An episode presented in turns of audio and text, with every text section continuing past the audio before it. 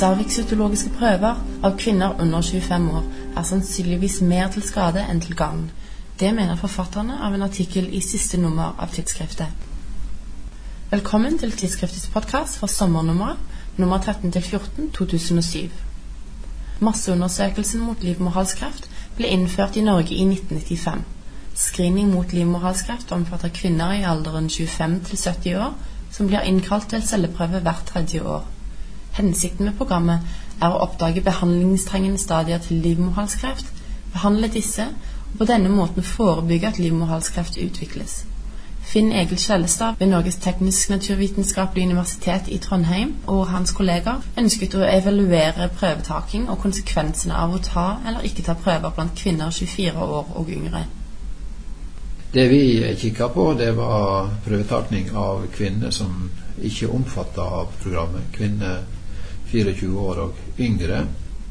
Vi så da på eh, volumet av prøver, det som er registrert i eh, databasen. Alle celleprøver for livmorhalsen de registreres i en database i Kreftregisteret. Og vi brukte da data fra denne databasen til å se på omfanget av prøver av kvinner, unge kvinner utenfor program. Og Da oppdaga vi at uh, de, over de siste ti åra så er det, tas det færre og færre prøver av unge kvinner, men vi mener fortsatt at det tas for mange.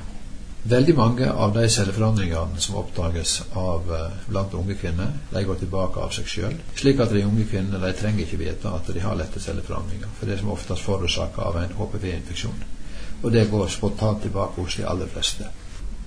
Årlig så oppdages det fra null til eh, to-tre kansere, og de er uoppdagelige med screening blant så unge kvinner.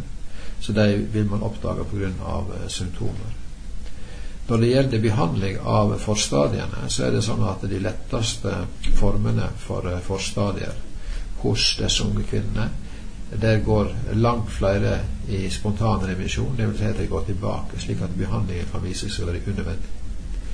For det tredje så har vi tid til å vente. De unge kvinnene som har behandlingstrengende forstadier, de blir oppdaga i 3-24-årsalderen. Om de blir oppdaga i 25-26-årsalderen, så vil de ikke ha utvikla seg til livmorhalskreft. Slik at eh, det får ingen behandlingsmessige konsekvenser om vi venter i ett til to år før dette blir oppdaga. I mellomtiden vil mange av disse forstadiene ha gått tilbake av seg selv. Eh, vi vet også at eh, konisering, som er behandlingsformen, dvs. Si at man skjærer ut en eh, kjegle av livmorhalsen, eller tar bort beta i livmorhalsen. Og dette her det gjør noe med arkitekturen, med det kollagene oppbygningsapparatet som livmorhalsen består av. Det blir svekka. Og dette vil da hos noen føre til for tidlig fødsel i senere svangerskap. Og de fleste unge kvinner som eh, får oppdaga behandling for stadier, de har ikke fått det barnetallet de ønsker. Vil det i det hele tatt være noen unge kvinner som får negative konsekvenser av å vente med undersøkelsen til de er 25 år?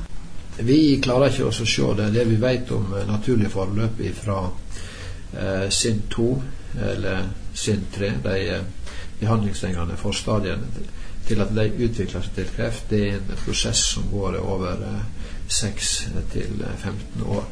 Slik at vi kan ikke se, med utgangspunkt i den kunnskapen vi nå har, eh, at det skal være noen negative konsekvenser ikke få oppdaga disse eh, forstadiene. Er det noen situasjoner der legen bør ta cervixcytologisk prøve hos kvinner under 25? Ja, Det er et uh, veldig kontroversielt uh, spørsmål. Det er klart at uh, veldig mange livmortapper kan se veldig stygge ut. De kan være veldig hva skal jeg si, karfylte eller veldig sånn rødhissige. Og Da kan man heller henvise til gynekolog, og så kan gynekologen gjøre kolposkopi, eventuelt vurdere behovet for biopsier. En stor utfordring i Norge nå er å modifisere dagens screeningprogram, mener forfatterne. Selv om prøvevolumet blant kvinner utenfor programmet er betraktelig redusert etter innføring av masseundersøkelsen mot livmorhalskreft, er det fortsatt mulig og medisinsk forsvarlig å redusere antall prøver ytterligere.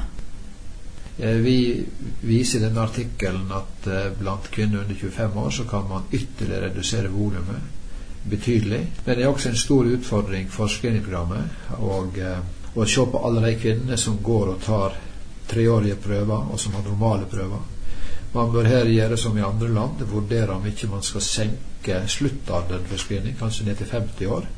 Og så bør man også kanskje vurdere å øke intervallet hos de som bare har eh, normale prøver i yngre alder. Spørsmålet er hvor lenge skal man eh, følge opp kvinner som har hatt eh, celleplanting tidligere. Der er det også mulighet til å modifisere programmet. Så den største kostnadsreduksjonen i dagens program, det vil være å Eh, få ut av programmet de kvinnene som bare har normale prøver, slik at de slutter tidligere, og øke intervallet for de som skal følges opp over lengre tid pga. tidligere funn. Du kan lese flere resultater fra undersøkelsen i artikkelen 'Er salgspsykologisk undersøkelse av unge kvinner mer til skade enn til gagn'. Takk for at du hørte på Tidsskriftets podkast.